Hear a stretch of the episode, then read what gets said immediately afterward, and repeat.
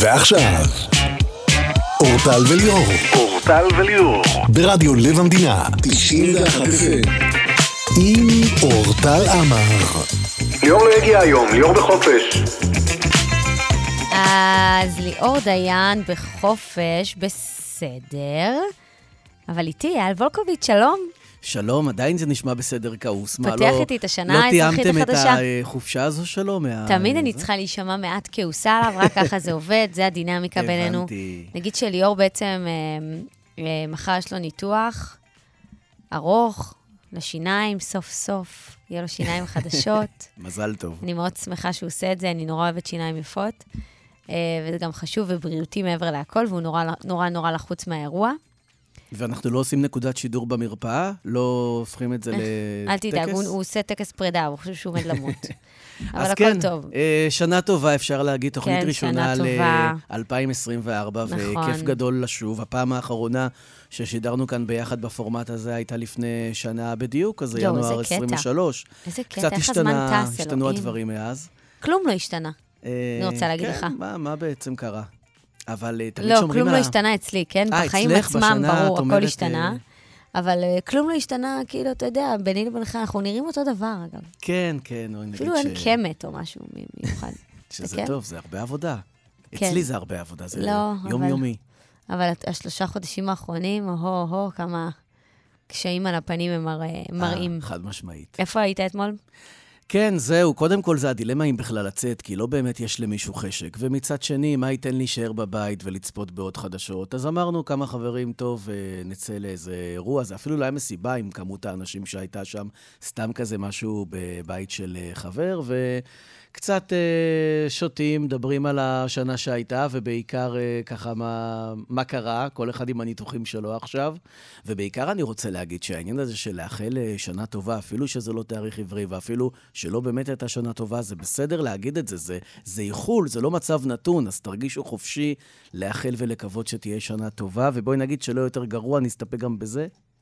טוב, יותר גרוע ממה שהיה לא יכול להיות, לא? תמיד יכול להיות. אתמול אחד מהניצולים של הנובה כתב פוסט, אה, הוא בן זוג אה, של מפל אדם שנרצחה בנובה. אז הוא כתב, אה, אגב, גם אימא שלו, היא התאבדה כמה ימים אחרי. אוי, כן. באמת, סיפור נורא. אז הוא אמר, הוא התחיל את זה ואמר, יותר גרוע ממה שהיה כבר לא יכול להיות. אז אני מנסה לשמור על איזשהו קו של חיוך, אז באמת אולי זה הקו. אני לא יודעת. מקווה שיהיה רק יותר טוב בשנה הזאת. אני בעיקר מסתכלת על הבן שלי ומאחלת שלא יהיה עתיד טוב יותר פה. זהו, בין אם זה בשנה האזרחית, בין אם זה בשנה העברית, בין אם זה ביום-יום, זה בכלל לא, התאריך הוא לא רלוונטי. אנחנו אתמול עשינו, אה, כמו שהבטחתי כאן אתמול בשידור, ערב אה, אנרגיות. אה, שמה זה אומר? ולמה לא הוזמנתי? איזה שטויות זה, אבל... אבל אנשים מאמינים בזה, כאילו זה מהמם, אוקיי, אם מישהו האבן הזאת גורמת לו להרגיש אנרגיות. תראה, מצד אחד אתה אומר, אוקיי, העולם בנוי באמת על אבנים והכול, ויש אנרגיה, זה לא סתם. יש אנרגיה, בן אדם נכנס לחדר, הוא מביא איזושהי אנרגיה אבל איתו, זה לא נכון? משהו חומרי, זה לא שאפשר להביא משהו שיהפוך את האנרגיה לאחרת. זה נגיד משהו שקשה לא, אבל, להשלים אבל איתו. בתוך, ה, בתוך אבנים הרי, על מה העולם בנוי, בתוכם יש איזה שהן אנרגיות. אוקיי. זה לא שזה לא, זה הגיוני, יש בזה היגיון. אז רגע, מה קרה? מה עשיתם? אז היא הביאה לנו אבנים, היא חילקה לנו אבנים, כל אחת קיבלה אבן שמתאימה לה, אני קיבלתי אבן שצריכה לעורר את אזור האהבה והזוגיות, אבן ורודה כזאת יפה דווקא. אה, ומצחיק שטב, כשהוא התעורר בבוקר, הדבר הראשון שהוא מצא זה את האבן. וכאילו, טוב, היא זה לא לא הייתה משהו נגישה. שרגילים לראות בבית. לא, היא לא הייתה נגישה, היא גם קטנה, אני לא יודעת איך הוא הגיע אליה, לא חשוב. אז, ואז היא גם שרפה מרווה, כנראה שיש משהו, יש קטע כזה שאנשים שורפים מרווה. כן, אה, שמעתי דפנה, משהו על עלי זה, דפנה. לתאר גם לא, לא, על עלי דפנה, וגם. מרווה היא שרפה. כן, אוקיי. רק שרפה כל מה דברים. שיש. קודם כל פחדתי לשרוף. שכל דקה הלכתי אחריה, חשבתי שעוד דקה הבית יישרף. תקשיב, יש שלב כזה שמדליקים נרות, ואז לוקחים עלי דפנה, שאגב, בבישול זה ממש טעים, ואתה כותב על זה מה שאתה רוצה. מה שאתה רוצה, אוקיי? בריאות, אהבה, לא משנה מה. ושורף. כן, לא הבנתי את הקונספט, כי כאילו, מה שאתה רוצה ואז אתה שורף, אבל סבבה. ועלי דפנה, הם עושים פצפוצים כאלה, כזה, קול כזה, עם האש. זה דרמטי. אז נהניתן? אז זה רגע. אז יש מי שלא מתפצפץ לו, יש עלים שפחות מתפצפצים, אז זה לא טוב. אה. ברכה אוקיי, לא זה- עברה. זה כאילו... לא, השאלה אם אם צריך שוב, או שזה אומר שאבוד לך זה שוב. לא יקרה. צריך שוב, אז אוקיי, אז זה בסדר. זה- עד שמתפצפץ. אפשר להתרגל. אני התפצפץ לי על הפעם הראשונה. אז מה זה אומר? שהת- ש- הבקשה? התקיימה. יאללה, גדול. שהבקשה התקיימה. לא, ביקשתי שם דברים, אתה יודע, בריאות וזה, דברים כאלה, אני יודעת. כמה חברות הייתם? שלוש. אה, מאוד אה, כזה סולידי. כן. לא איזה אירוע יש גם. איזה עץ ששורפים ומריחים, אני יודעת, יש איזה שמות. את חזרת מסרט, אני רואה, מה... זה נורא הצחיק אותי, אני רק, אני, הם היו כל כך רציניות, הם גם כתבו דברים, ואני רק צחקתי, אני, זה לא לעניין. ניסיתי להתרכז ולהיות רצינית באיזשהו שלב. אז הנה, אם עכשיו זה לא יתגשם, יש תירוץ, זה לא טוב. צריך ללכת עם זה all in ולהגיד, זהו, עכשיו עשינו את זה, שרפנו מה שצריך, והכל יקרה. בסדר. ובמקרה שמקשיבות לנו עכשיו, אז uh, נהנית, נכון? זה לא ש... לא היה מצחיק, היה נחמד. ומה עשיתם בחצות בדיוק? מי, לא שמנו לב שהיה חצות. אה. היה טילים, היה פתאום בום, זהו, בום, גם בום. אזעקות הרווחנו אתמול. ו... לא, לא היה אזעקות אצלנו בתל אביב. בתל אביב לא היה, בשפלה היה, פה בראשון כמובן. צפון אין תל אביב אצלי. לא היה, יכול להיות בדרום תל אביב היה. אבל אה, שמענו את היירוטים, פתאום אמרנו כזה, מה זה? ואז הסתכלנו וראינו שהיה מטח. כן, דאגו לנו גם לזיקוקים. לא, ממש, סימנו, 12, הם עשו את זה בכוונה. בסדר. נורא, נורא. טוב, אה, נגיד שאנחנו כאן עד אה, שמונה, אז במקום אה, ליאור, כאן איתכם אני, שהקדמתי בשעתיים הפעם, אבל אני חייב להגיד שנחמד, לא פקקים כמו שחשבתי. נכון, היום רגוע יחסית בכבישים, אולי אנשים עוד מתאוששים מאתמול, מהנוביגוד, מהסילבסטר, אני יודעת ממה. בהחלט. נגיד שהמפיקה שלנו לימור נגל, הטכנאי מיכאל רוזנפלד, עורך המוזיקה אריה מרקו. אנחנו נדבר בהמשך עם דוקטור שון פורטל, ואנחנו גם נדבר עם דודתה של עדן ירושלמי, שעדיין נמצאת בשבי חמאס. ולפני זה אנחנו נתחיל עם אה, שיר שכבש את התקופה האחרונה, חרבו דרבו. אה, תמיד טוב. דס וסטילה.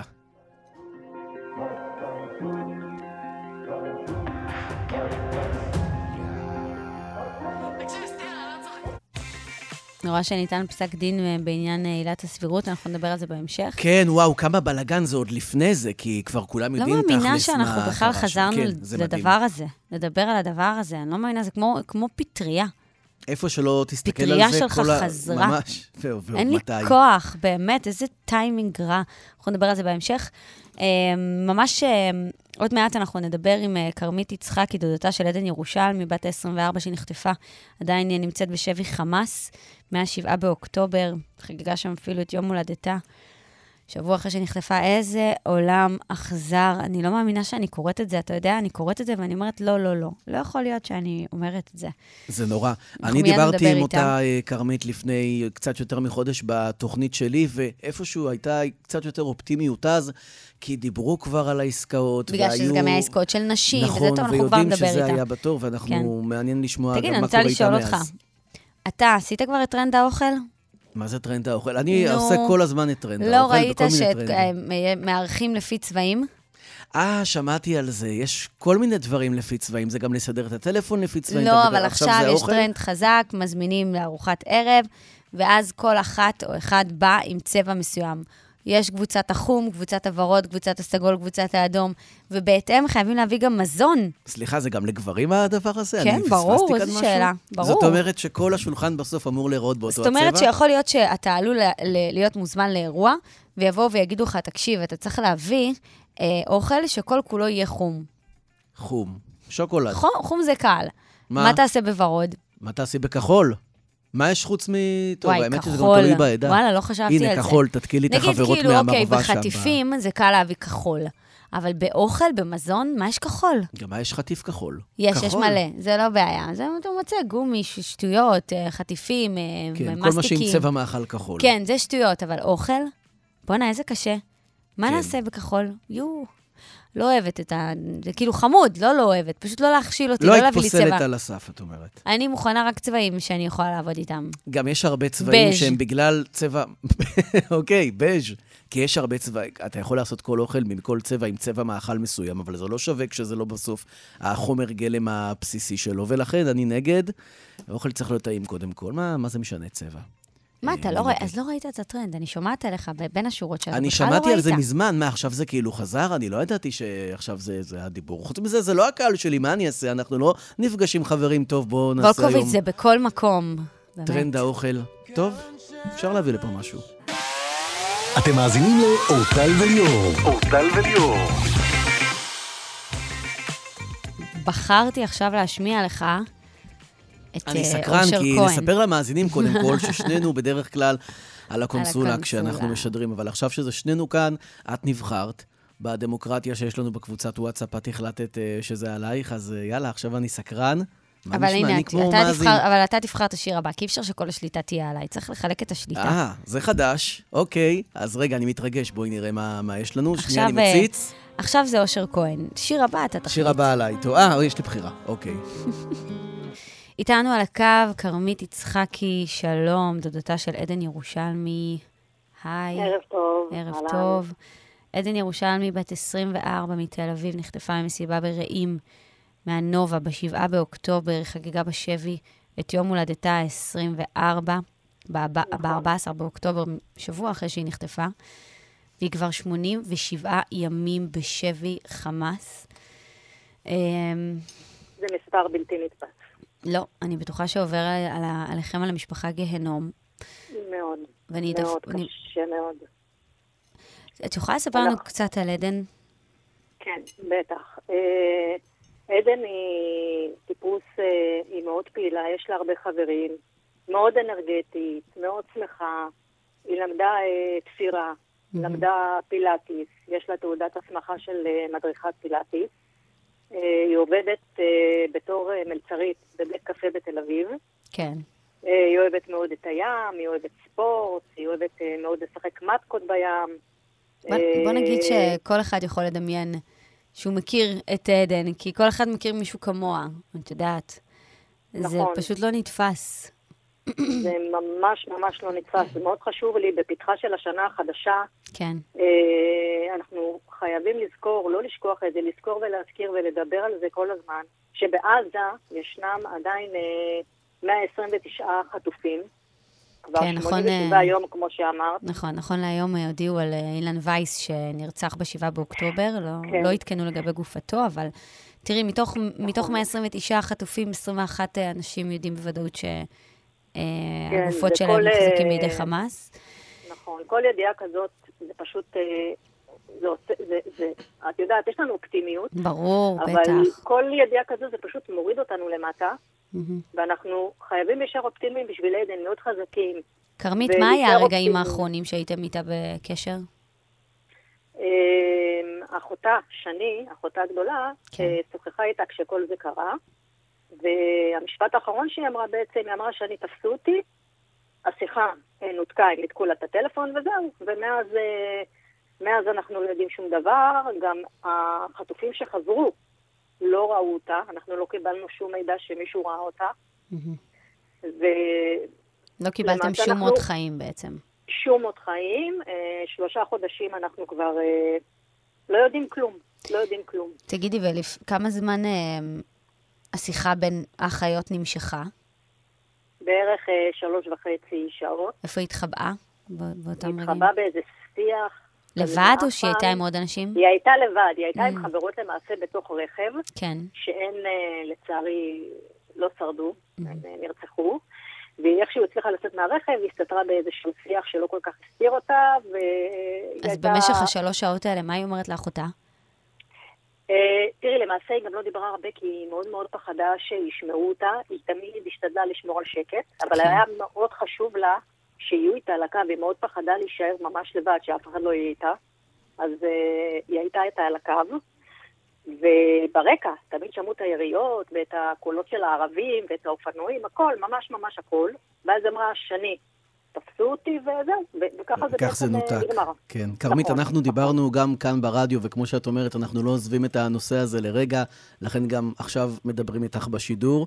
אה, דיברנו וסיפרת את הסיפור הזה, וקיווינו שבשיחה הבאה שלנו כאן ברדיו כבר נעשה את השיחה הזו יחד איתה, אבל נכון, לצערנו נכון. אין, אין חדש בזה. אבל מבחינת ההתנהלות שלכם כמשפחה, מהמסקנות שלכם, מהחדשות שרואים, מה, מה אתם עכשיו עושים אחרת כדי לקדם את השחרור שלה? האם הבנתם שצריך להיות יותר ללחוץ ויותר להפגין, או שדווקא הקולות אה, האלה של תהיו בשקט ותנו לצה"ל לעבוד, זה, זה מה שמשפיע? תראה, אני אגיד לך, אנחנו כמשפחה, אה, כל משפחה עושה מה שהיא חושבת לנכון. כן. אנחנו כמשפחה פחות מאמינים בהפגנות. אני לא חושבת שהפגנה תקדם משהו. מהמם. אה, אנחנו כן מתראיינים, כמו שעכשיו אני מתראיינת. כן, אני רואה המון במיוחד- שלטים שלה בכל מיני מקומות כן, שאני נוסעת. זהו, כן, אה, זה נכון. מאוד חשוב, תדעי לך. זהו, אז אנחנו בעד יותר שלטים, בעד יותר להתראיין. אה, אבל מי מממן את כל זה? בסוף יש לזה עלויות. את השילוט? כן. אנחנו המשפחות. וואו. תגידי, בעצם, בעצם הייתה עסקה עם נשים, נתנו לכם תשובות למה עדן לא בתוך העסקה הזו? לא נתנו תשובות, אף אחד לא יכול לדעת, אה, לומר לנו בוודאות אה, למה היא לא הייתה ברשימה. מהמם. אה, יש עוד נשים מלבדה שלא כן, השתחררו. נכון, נכון. אה, האמת, העניין הזה שקרה עם השחרורים, כן. שהתחילה, שהם ש- אה, חזרו ללחימה, יואו, אני לא יכולה באמת לתאר לך איך הרגשנו. זה כן, הכניס אה. אותנו לדיכאון, ואנחנו כבר, היה לנו, הייתה לנו, היו לנו רגעים שאיבדנו תקווה. מה את מרגישה אבל- בלב, כרמית? אה, אני מרגישה, אנחנו, אני אופטימית, אני מרגישה שהיא חזקה, שהיא יודעת שאנחנו עושים הכל בשביל להוציא אותה מהגיהנום הזה. אנחנו לא נחים לרגע. הייתי רוצה גם למסור אה, אה, עדן, למס, מסר לעדן, סליחה, אם היא שומעת, והלוואי והיא שומעת, הלוואי. הלוואי, אני רוצה למסור לך, עדן היקרה, שאני אוהבת אותך. כולנו אוהבים אותך, לא שכחנו אותך לרגע. כולנו פה מחזקים אותך. יש מאחורייך צבא שלם שנלחם. ובבקשה, בבקשה, אני מתחננת עוד קצת, תחזיקי מעמד עוד קצת. עוד קצת ואנחנו נוציא אותך משם. תהיי כרמית, חזקה. אתם משפחה מדהימה, ואני ממש מקווה שהמסר הזה איכשהו גם מגיע אליה, כי כמו שהבנו, לפעמים גם יש להם איזשהו אה, ערוצי יש לה תקשורת. הרבה, יש לה הרבה, כן, ואי אפשר לדעת איפה, איפה ומי רואה. רדיואים, והאמת, ש, שאתה שזה חושב מפתיע. על זה, ואתה מעמיק רגע מחשבה בזה, זו הדרך היחידה ליצור איתם קשר. ממש. איך שלא תהפוך את זה. ואם אני הייתי אתם, הייתי עולה בכ- בכל תחנה שאני חושבת שהם אה, עתידים או יכולים לשמוע. נכון, נכון. כל- אז זהו, כל אנחנו הזמן. באמת משתדלים. כן, כן, אנחנו עם משתדלים. כל הקושי, ברור שזה הדבר אה, הכי חשוב, כן. לפחות מבחינת הקשר הזה. נכון. ותגידי, כשאנחנו באמת גם שומעים עכשיו את הסיפורים של מי שחזרו מהשבי, יש עכשיו הרבה תחקירים ותוכניות, אתם צופים בזה בכלל? אנחנו משתדלים אה, לא לשמוע, כן. לא להקשיב לזה, כי מאוד קשה, מאוד קשה לשמוע את הקושי ואת הסבל הנורא שהם סבלו. אה, זה לא תורם לי, לי בכל אופן, אני יודעת שגם למשפחה שלי, אבל לי זה לא תורם. אני לא חושבת שלשמוע שהם אכלו פיתה ביום זה תורם לי במשהו. ואני חושבת שזה מקשה עליי יותר, ואני משתדלת מאוד את אחות של מאוד מי? לא של. אימא של עדן או אני של אבא? אחות של שירית, כן. אני, שירית היא אחותי התאומה. אה, ואיך היא מתמודדת?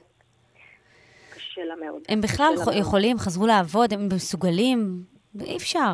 לא, לא. אני אגיד לך, אני גם כן, כדודה, אני מאוד קשה לי לחזור לשגרה. אנחנו, אה, אנחנו אומנם אה, בשנה חדשה, אבל בשבילנו כמשפחה לחטופה, אנחנו עדיין בשבעה לאוקטובר.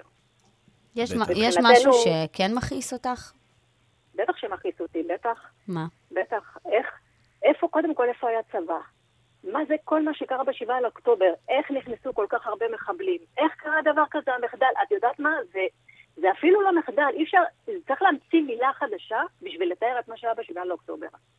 אני חושבת שהם חייבים, כמדינה, לחטוף להחזיר- 240 אזרחים, זה זה לא. נתפס. אי אפשר את להבין, ואני מקווה? שיום גם אחד יהיו תשובות, גם זה לא מובן מאליו.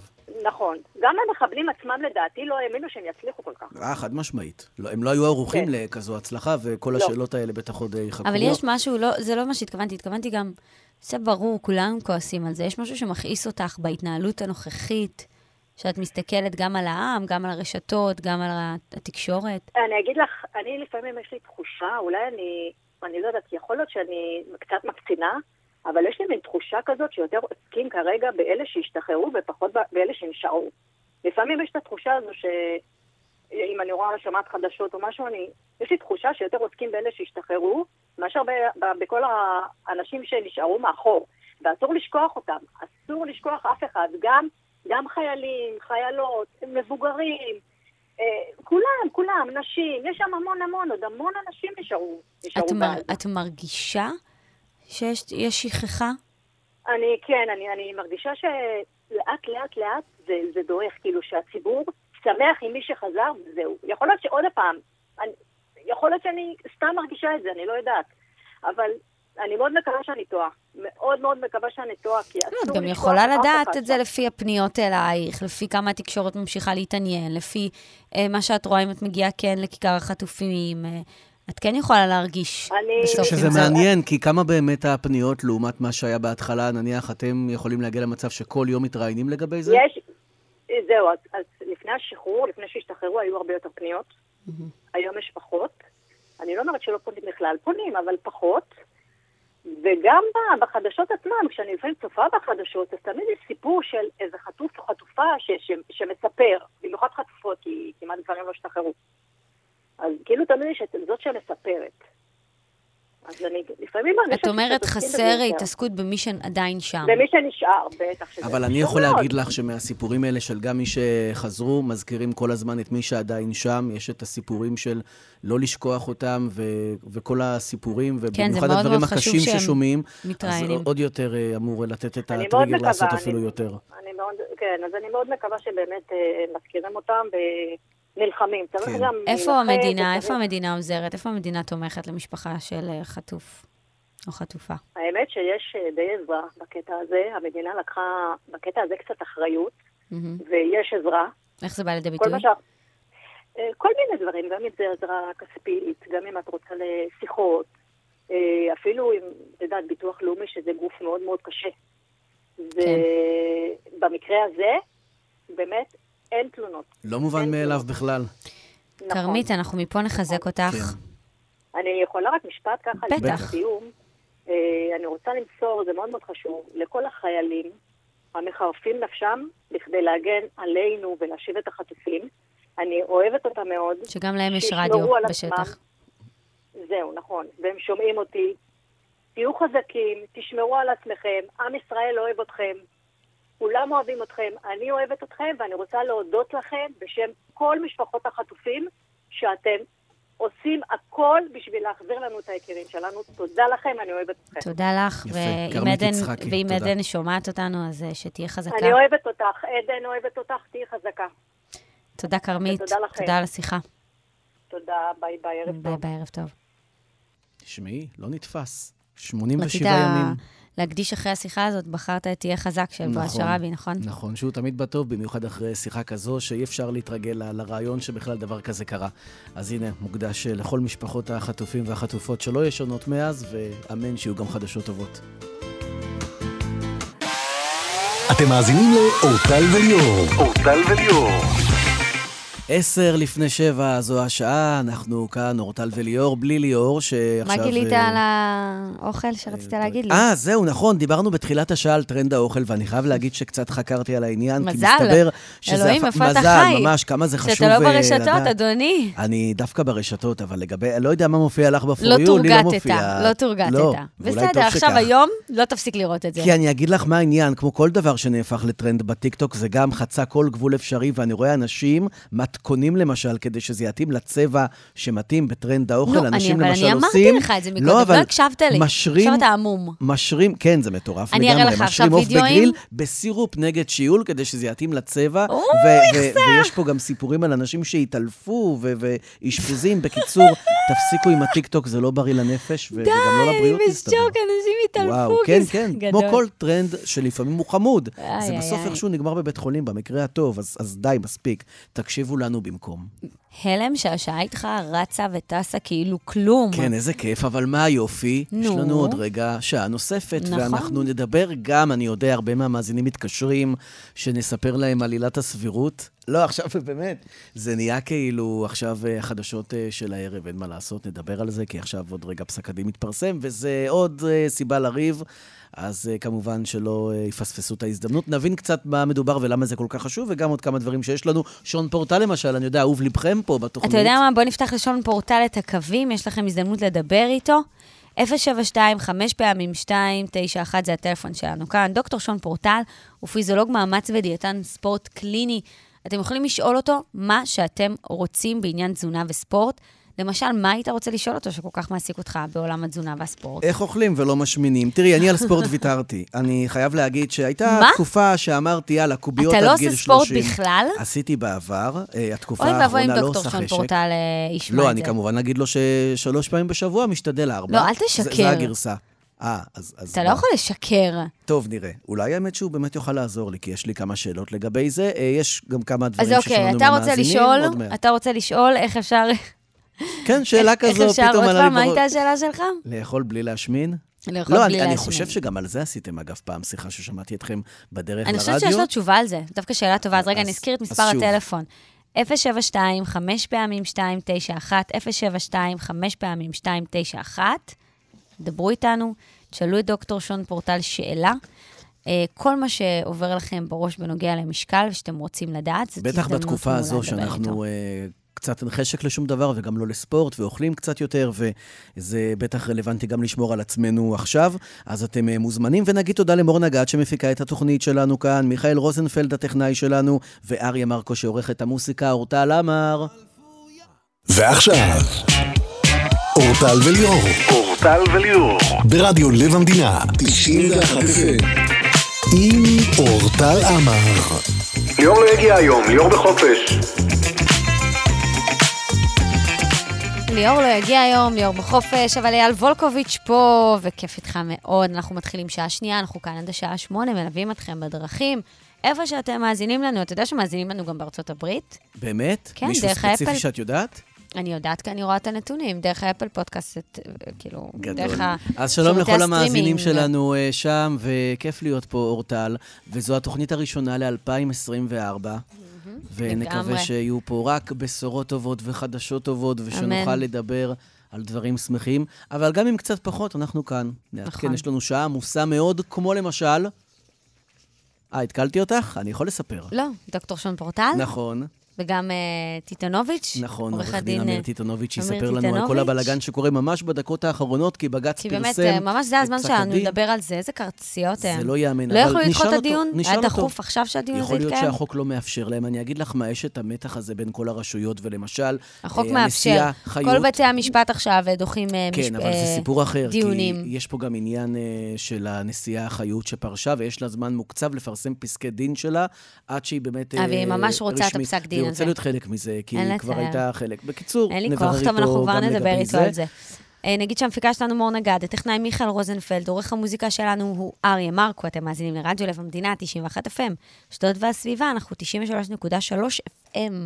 נתחיל עם קצת מוזיקה טובה, יש לנו מלא מלא מלא מה לדבר עכשיו, תוכן וזה. נכון, חייב אבל להתחיל עם שיר. רגע, מה, אני בוחר? מה החוקים? תראה, כבר בחרתי, אבל אין בעיה, אתה יכול לבחור, אני אז יכולה אני אבחר לשנות. מה שאת תלחשי לי, ואני אגיד שזו בחירה שלי, כדי שזה יישמע שוויוני פה. יהיה טוב, יסמין מועלם. אני חושב שנשים את אה, יסמין מועלם, יהיה טוב? אה? תבחר את השיר? הבא, תבחר את השיר הבא. יאללה, האזנה טובה, חדשות טובות. אמן. איזה כיף לדבר בין לבין. אה, כל הרכילות הטובה, לפעמים מבין לבין, זה קורה צריך גם עם לבדוק ליאור. אם המיקרופון היה כבוי, אחר כך... אה, לא, אין לי שום בעיה, גם, אה, כאילו, בוא. גם אם יודעים את זה, אם מישהו היה שומע את זה, זה לא אכפת לי כל כך. אז השעה השנייה שלנו, אז האם אי פעם אתה היית עם אה, שון פורטל בפינה? אייל וולקוביץ'. אני חושב שדווקא עם אה, שון לא, אבל אני מעריץ גדול, ותמיד אני מקשיב לכם הרי בדרך אתה יודע לכאן שאני ששומעים אותך מגיע. אה, נוגע בדפים. מה, אה, אתה ליאור באמת? דיין? למה? זה נשמע אבל טוב שאני כאילו אה, לא, זה מעמיק, זה לא? שומעים, זה- מכירים. אה, באמת? וואו, כן, מיקרופון. זה ממש אמרתי לא כנראה, להשקיע האזור הזה בציוד עושה פה. לכם את זה. זה מה אז, שקורה. אה, כן, אז יש לי היית הרבה עם מה דוקטור לשאול. שון פורטל? הנה, עכשיו. דוקטור שון פורטל, תכיר את אייל וולקוביץ'. אהלן. אני רוצה לך, שתדע דוקטור. שהוא לא מתאמן ולא עושה ספורט. זה לא נכון, חכי, זה חכי, נאמר. אוף רקורד.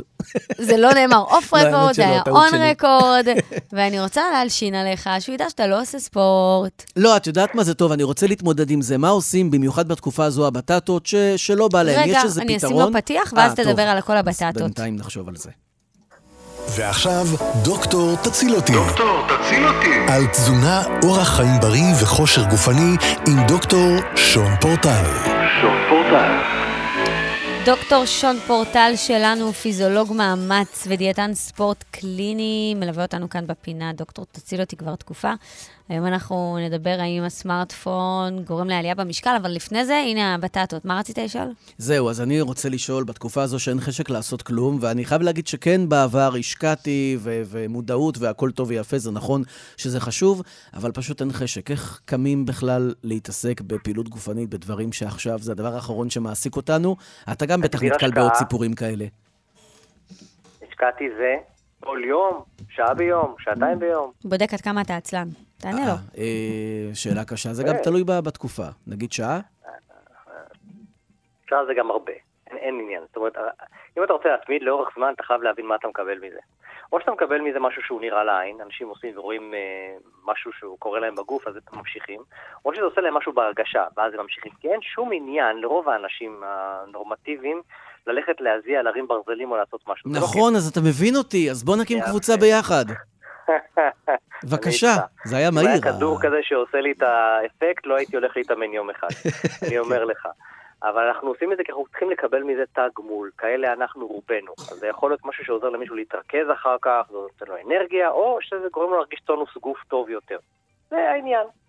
אז השאלה, מה אתה מגדיר לעצמך שאתה מצפה לקבל מאימון? אם אתה מגדיר נכון, אז אתה גם תבחר באימון שיהיה הכי אפקטיבי עבורך. מי אמר שצריך שעה? אולי רבע שעה מביא אותך בדיוק לרמת אנרגיה שאתה אוהב את עצמך יותר. ואז אתה פשוט מתמכר לתחושה. אתה שונא את זה לפני זה, אבל אתה אוהב את האחרי. Mm, זה נכון? האמת שברגע שמתחילים.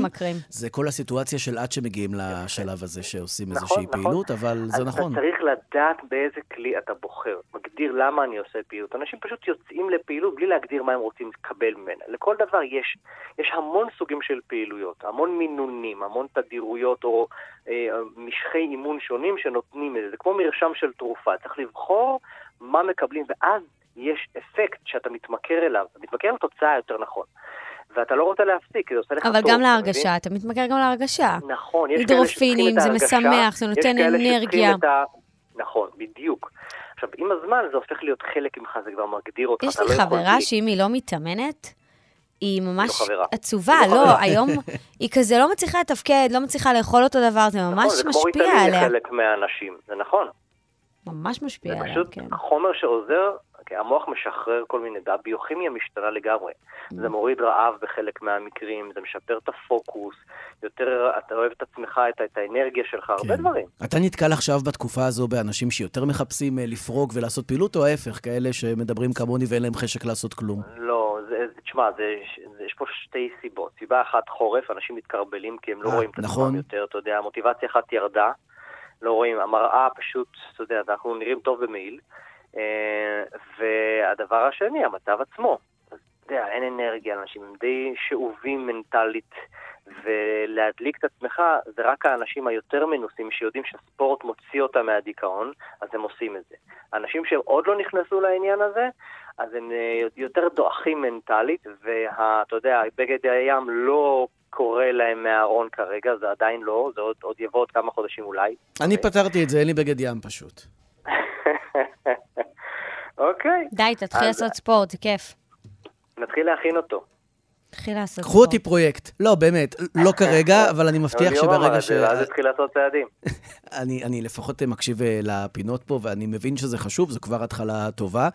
ויש במיוחד, טוב, שוב מדברים על התקופה, גם חורף וגם עכשיו בתקופה הזו של המלחמה, איזה משהו שכן היית ממליץ לעשות אחרת, גם בשביל להתמיד, גם משהו שמתאים יותר כן, לעונה? יש הרבה דברים שיש, אני חושב שאנחנו נעשה לזה איזה רשימת טיפים אם רוצים להכין את הפינה לזה, אם יש לנו זמן, לא יודע כמה יש לנו. אה, גם אני לא, כי אורטל על לדבר- המכשירים, והיא לא מגלה לי כלום, והיא בוחרת שירים.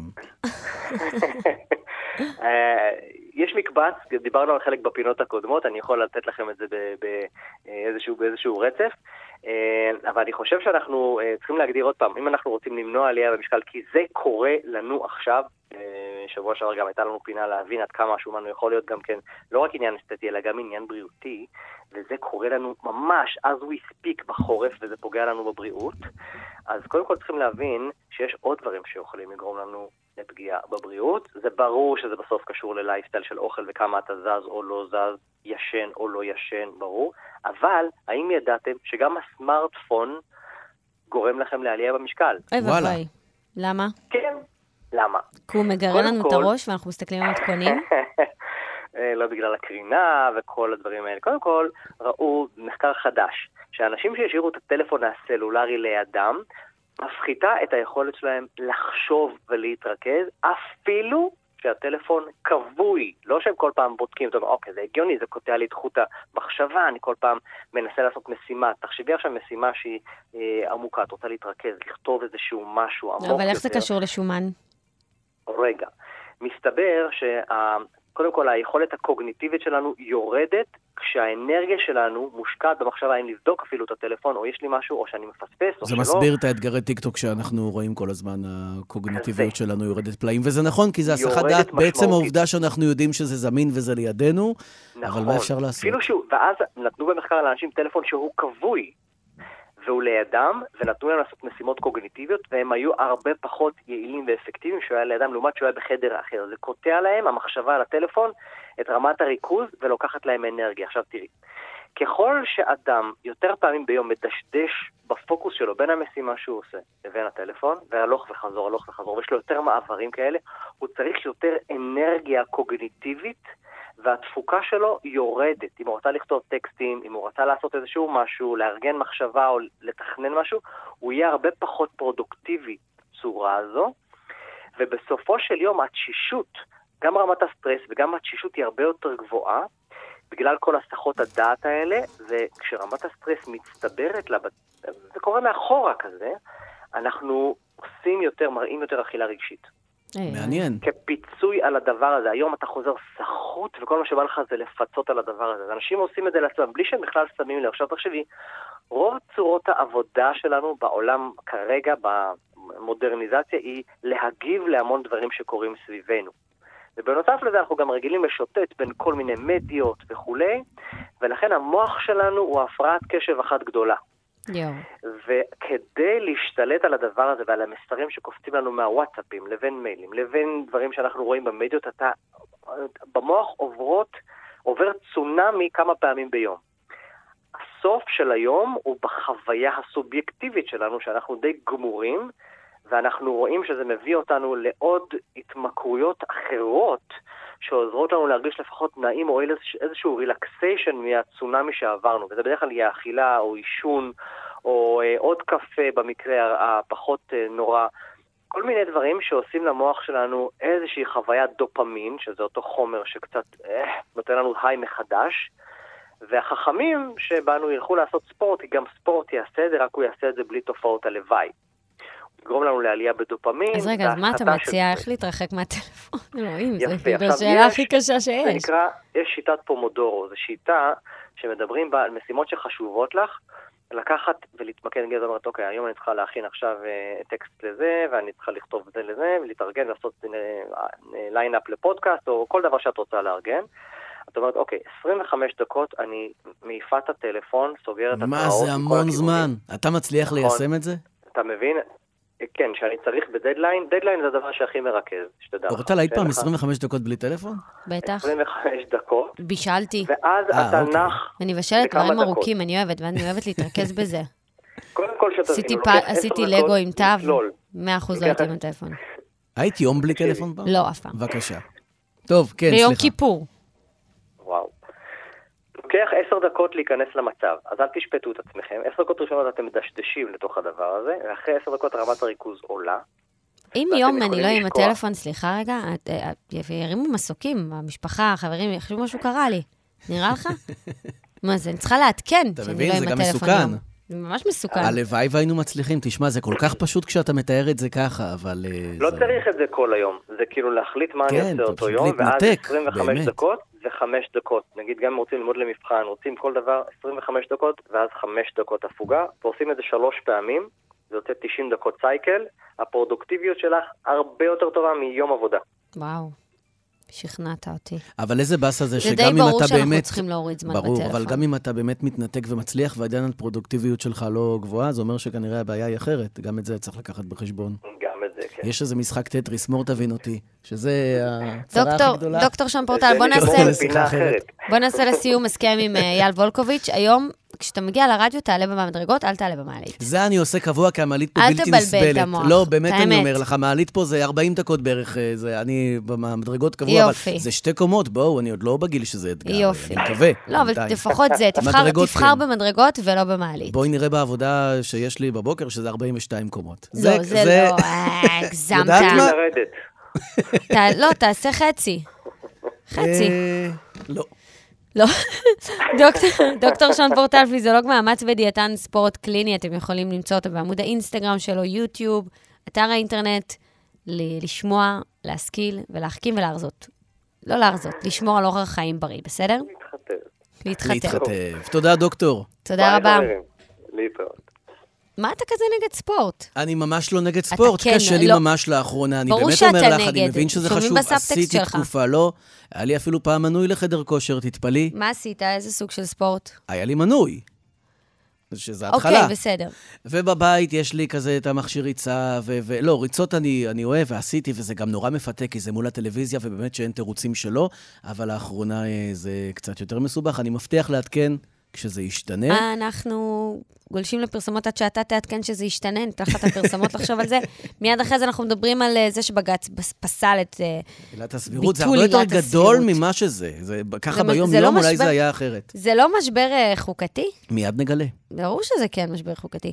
אנחנו מיד נדבר עם עורך הדין אה, אמיר טיטנוביץ', זה כבר קורה. טוב, אז הלב. בשעה האחרונה אה, סערה מאוד גדולה בחדשות בעקבות הפרסום הרשמי, הפעם, בניגוד להדלפות שהיו בימים האחרונים, על אה, פסק הדין אה, לגבי אה, עילת הסבירות, ורצינו קצת להבין למה זה כל כך אה, ככה משמעותי, אה, זה ולמה ברור דווקא למה עכשיו. זה משמעותי, למה דווקא עכשיו שאלה מעולה. אז בשביל זה, יש לנו כאן אה, על הקו את עורך הדין אמיר טיטונוביץ', הבעלים של משרד עורכי דין טיטונוביץ', שלום לך.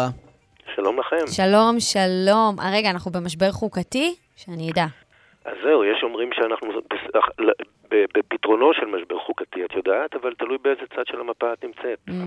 איך לא, יודעים, אבל- איך לא, יודעים שהמשבר רגע, באמת מה זאת מתחיל? אומרת, אם הממשלה רוצה אחד ובג"ץ רוצים נכון. שתיים, יש משבר חוקתי. נשמע כמו משבר. זה בכלל לא משנה זהו. מי רוצה מה. אז זהו, זה אם לא מצחיק. מסכימים הממשלה ובית משפט העליון, יש משבר חוקתי. זה עצוב. כמה שזה מצחיק.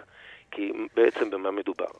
אומרים חברי הכנסת, "אה, אנחנו נבחרנו על ידי מיליוני, מאות אלפי מיליוני בוחרים, שסמכו על שיקול הדעת שלנו, שסמכו על סבירות ההחלטות שנקבל. ואנחנו מה בעצם... פתאום אה, שהיום 15 אנשים שנבחרו על איזה ועדה לבית המשפט העליון, בית המשפט הגבוה לצדק, יחליטו עבורנו ולא. ולא ייקחו בחשבון את נכון. העם. איפה עכשיו, האמצע? אנשים- איפה האיזון? זה לא, זה לא עניין של אמצע וזה לא עניין של איזון, ואני כבר אסביר וזה נורא נורא פשוט. אבל קודם כל צריך להבין ש... את יודעת מה, אני אלך, דמיינו לעצמכם משחק כדורגל, אוקיי? כן. החיים זה כמו כל משחק אחר.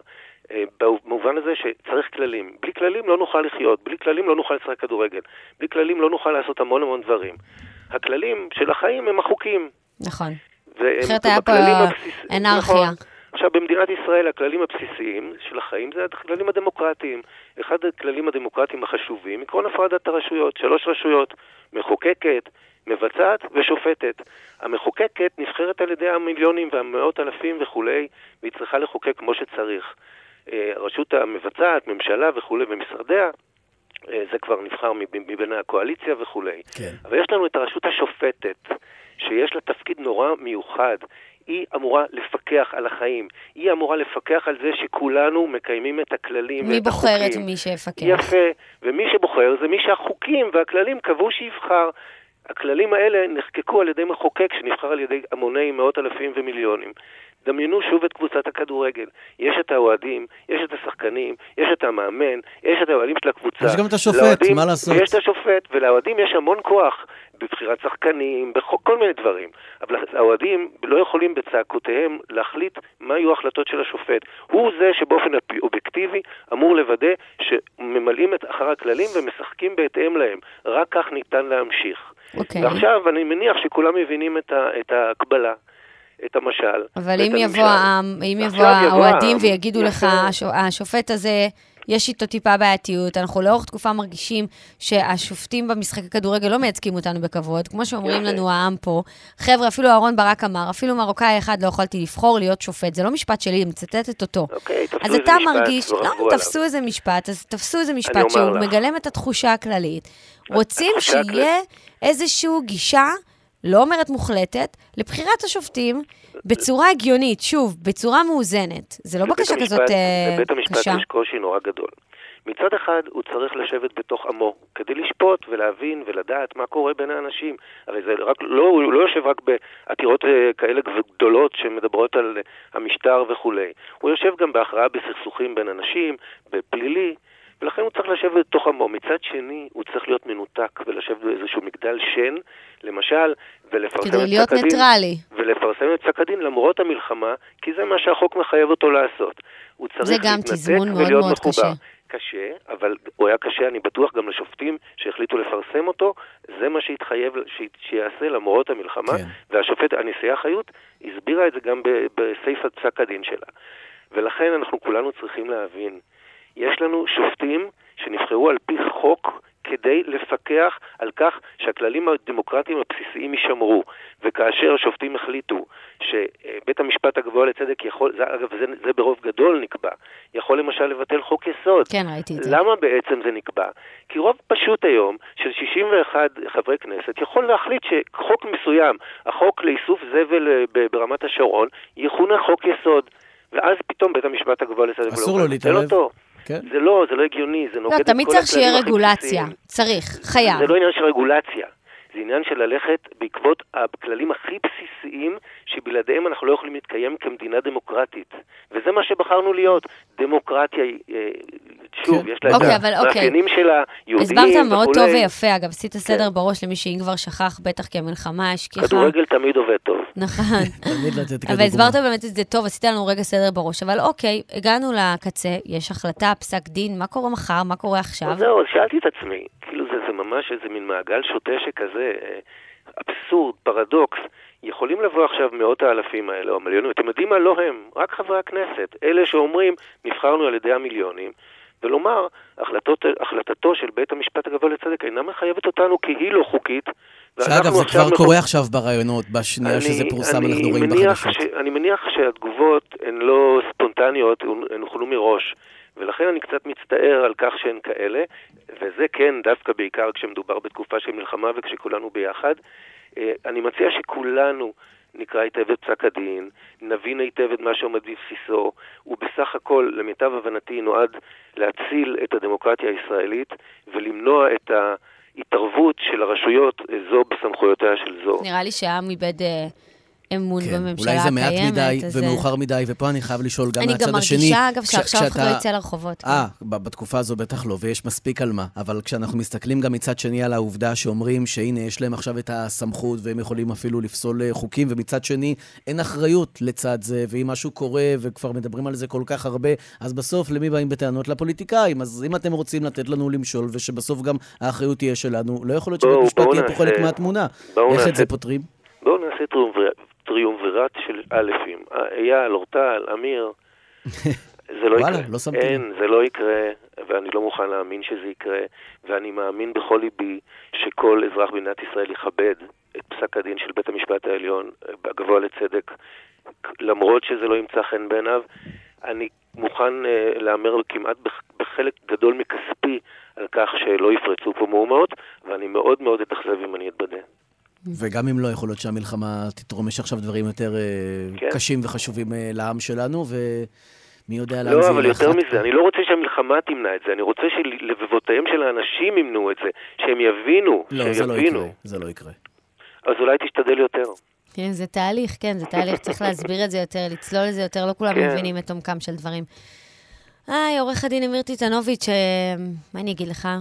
נקווה לדבר איתך בזמנים טובים יותר. מקווה שזה יעבור. איכשהו. ועל דברים שמחים יותר. תודה. בכדורגל. 1-0. תודה רבה לך. ביי ביי, להתראות.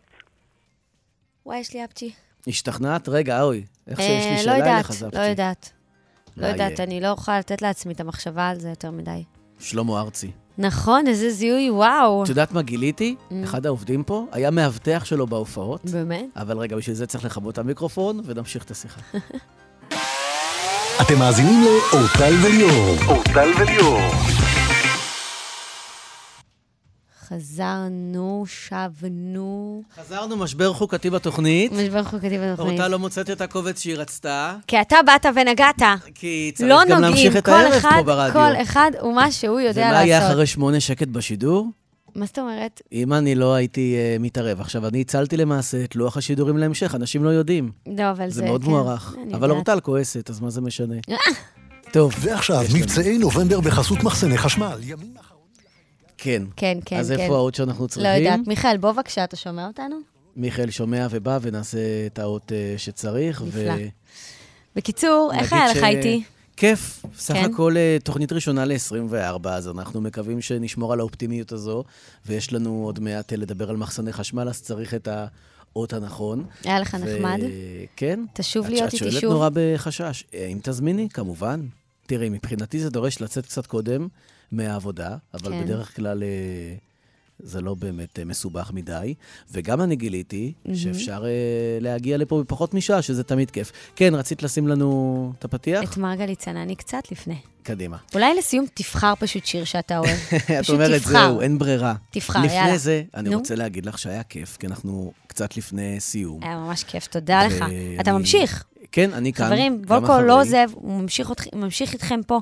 מיד אחריי אה, יש חדשות, כן? נכון? אחרי החדשות אה, אני ממשיך כאן איתכם. יש שיר ואני שאתה חייב רוצה? להגיד שאני מאוד גאה בך, שאת אף פעם לא שוכחת להגיד שאחרייך אני, וזה יפה. יואו, איזה נשמה אתה, למה שאני וגם, אשכח? כי בדרך כלל יש כל כך הרבה מה להגיד, ותמיד עם ליאור זה עוד משהו שיש לא להגיד, וזה איכשהו מסתדר, וזה יפה, וכל הכבוד לכם על זה.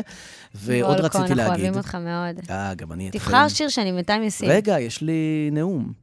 תוכנית ראשונה ל-2024, שזה חתיכת אירוע משמעותי, כי כן. בסילבסטר הבא, שמי יודע איפה נהיה, אבל כמובן שנחגוג את הניצחון הגדול ועוד כמה דברים שיקרו עד אז. אז uh, יהיה מעניין להיזכר בהקלטה הזו ובתקופה הלא פשוטה שאנחנו נמצאים בה, ועדיין רציתי לאחל לך שנה אזרחית טובה. תודה. ושכל מה שאת מאחלת לעצמך, כולל עם לשרוף מרווה, בלי לשרוף, שיתגשם. ושאנחנו אני אומרת, מאוד גם אוהבים אתכם פה. ככה אנחנו במצב כל כך, אה, לא פשוט, מורכב. זו המילה. שזה מה יש. אני בחרתי לך, כי לא בחרת, אז אני בחרתי, עוד פעם השתלטתי עליך. יאללה, סגור, אני סומך עלייך. מור נגד בהפקה, אריה מרקו עורך את המוסיקה, מיכאל רוזנפלד היה הטכנאי שלנו, אורטל, היה כיף גדול. אייל וולקוביץ', תודה רבה, היה כיף.